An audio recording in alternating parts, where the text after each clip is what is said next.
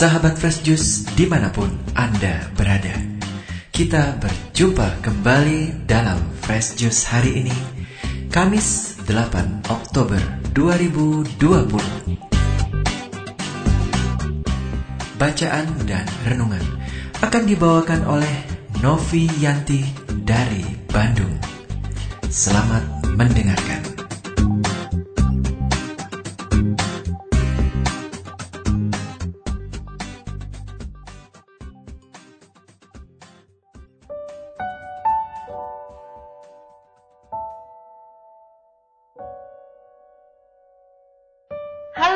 Sobat Fresh Juice di mana pun Anda berada. Semoga kita semua dalam keadaan sehat. Kembali bersama saya Novianti dari Bandung. Hari ini kita akan merenungkan Injil dari Lukas bab 11 ayat 5 sampai 13. Mari kita baca bersama-sama.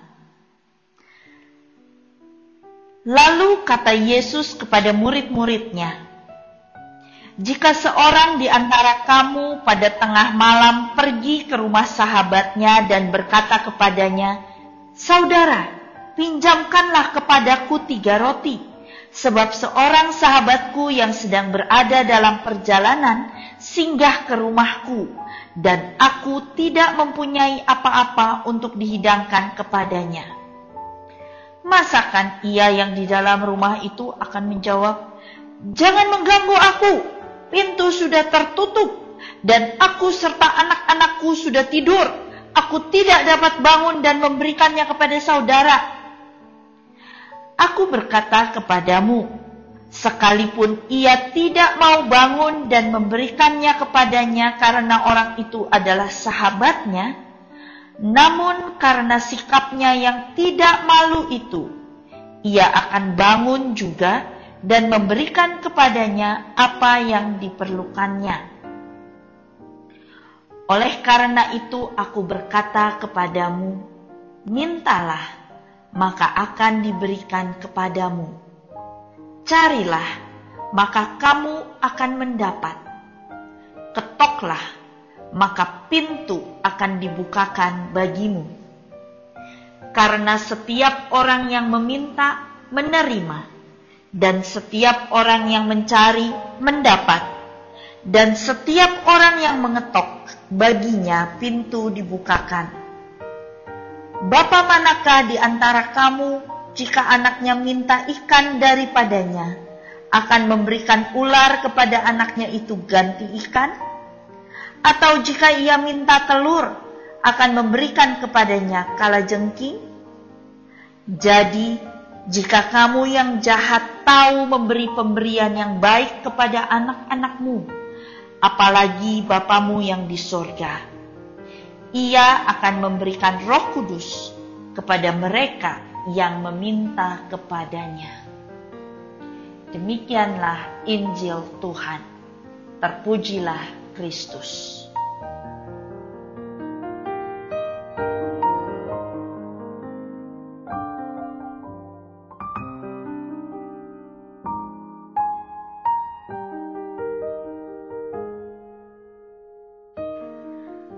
Sobat Fresh Juice, saya punya seorang sepupu yang sangat akrab dengan saya. Saya sering main ke rumahnya. Bahkan ketika kecil, kalau liburan sekolah saya bisa menginap berminggu-minggu di rumahnya. Tetapi walaupun demikian, saya tetap merasa canggung kalau menginap di rumahnya. Saya tidak bebas melakukan banyak hal seenaknya. Saya juga canggung menghadapi orang tuanya yang sebetulnya masih saudara saya, tante saya sendiri. Memang benar kata pepatah, home sweet home, rumahku istanaku. Seenak-enaknya rumah orang, tetap lebih enak di rumah sendiri. Sebaik-baiknya keluarga orang, tentu berbeda dengan keluarga sendiri. Saat saya di rumah sendiri, saya tidak sungkan-sungkan lagi mendatangi papa saya, mama saya, adik saya, dan melakukan segala hal yang saya suka. Di dalam perikop hari ini, Yesus mengajarkan kepada murid-muridnya tentang doa. Di ayat-ayat sebelumnya, Yesus mengajarkan tentang isi doa yang bisa dirangkum dalam doa Bapa kami.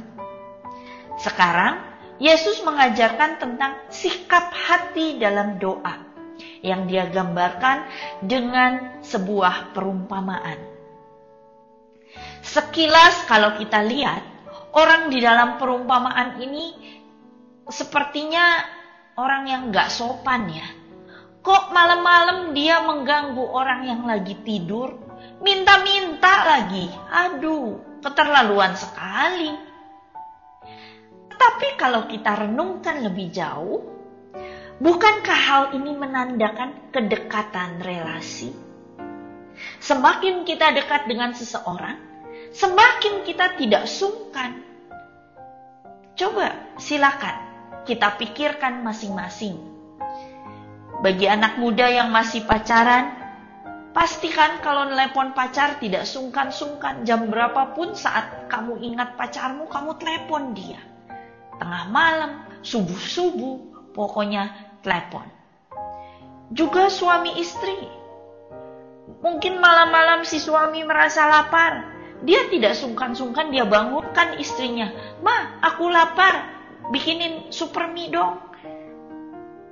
Tidak sungkan-sungkan lagi karena relasi yang begitu dekat. Dan itulah doa. Ibrani 4 ayat 16 katakan, Sebab itu marilah kita dengan penuh keberanian menghampiri tahta kasih karunia, supaya kita menerima rahmat dan menemukan kasih karunia untuk mendapat pertolongan kita pada waktunya. Penuh keberanian, tidak sungkan-sungkan lagi, tidak malu-malu lagi. Datang saja, hampiri saja tahta kasih karunia Tuhan, supaya kita menerima rahmat dan mendapat pertolongan kita pada waktunya. Demikian kata penulis kitab Ibrani. Saya jadi ingat pada seorang teman saya. Dia bercerita bahwa kadang-kadang dia malu untuk menghampiri tahta kasih karunia Tuhan dalam doa. Menurutnya, Tuhan itu harusnya disibukkan dengan hal-hal besar, seperti mengurusi pandemi COVID, mengurusi perang dunia, mengurusi pilkada, pokoknya hal-hal yang besar. Masa saya datang pada Tuhan untuk hal sepele seperti pilek yang cuma sedikit, atau saya bingung hari ini mau pakai baju apa ya? Wah, itu hal-hal yang terlalu kecil kata teman saya. Tetapi sebetulnya ini sangat menyedihkan. Tuhan sudah membuka diri untuk menolong kita dalam segala permohonan, segala permintaan. Tetapi sering kali manusia sendiri yang membatasi diri. Ah, yang ini tidak cocok dibawa kepada Tuhan. Ah, saya mau bawa hal ini saja kepada Tuhan. Kita sendiri yang memilih-milih mana yang mau kita doakan, mana yang tidak. Padahal kita perlu pertolongan Tuhan dalam segala situasi, hal kecil maupun hal besar. Atau ada seorang teman saya lagi yang katakan bahwa dia sudah tidak berani lagi untuk berdoa. Dia sungkan datang pada Tuhan karena dia merasa bahwa dia sudah begitu terjerumus dalam dosa, dia begitu banyak melakukan dosa sehingga tidak pantas lagi datang pada Tuhan. Ini pun sangat-sangat menyedihkan. Justru dalam keadaan seperti ini, saat terpuruk di dalam dosa, kita perlu pertolongan Tuhan, kita perlu kasih karunia Tuhan. Justru ini saatnya kita meminta, mencari, dan mengetuk. Karena kabar baik bagi kita adalah bahwa Tuhan bersedia ditemui, Tuhan bersedia menolong kita setiap saat. Dia tidak punya jam kerja, tetapi kita bisa datang dengan penuh keberanian menghampiri tahta kasih karunia Tuhan. Kita perlu roh kudusnya untuk menguatkan dan menolong kita. Yang kita perlu lakukan hanyalah meminta, mencari, dan mengetok.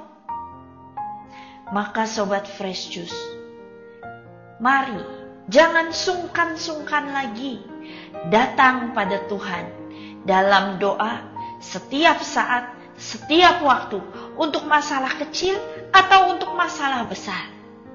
Datang padanya, minta, cari, dan ketuk pintunya Nantikan pertolongan Tuhan dengan penuh percaya, dengan penuh keberanian, keyakinan bahwa Dia akan menolong kita dan Dia sanggup tolong kita. Karena Dia Bapa yang mengasihi kita semua. Mari kita berdoa. Demi nama Bapa dan Putra dan Roh Kudus. Amin. Bapa, sadarkan kami bahwa kami perlu pertolonganmu setiap saat. Sadarkan kami bahwa Engkau Bapa yang mengasihi kami, agar kami bisa menghampiri tahta kasih karuniamu dengan penuh keberanian tanpa sungkan-sungkan lagi. Amin. Demi nama Bapa dan Putra dan Roh Kudus. Amin. Sahabat Fresh Juice, kita baru saja mendengarkan Fresh Juice Kamis 8 Oktober 2020. Segenap tim Fresh Juice mengucapkan terima kasih kepada Novi Yanti untuk renungannya pada hari ini. Sampai berjumpa kembali dalam Fresh Juice edisi selanjutnya. Tetap semangat, jaga kesehatan, dan salam Fresh Juice.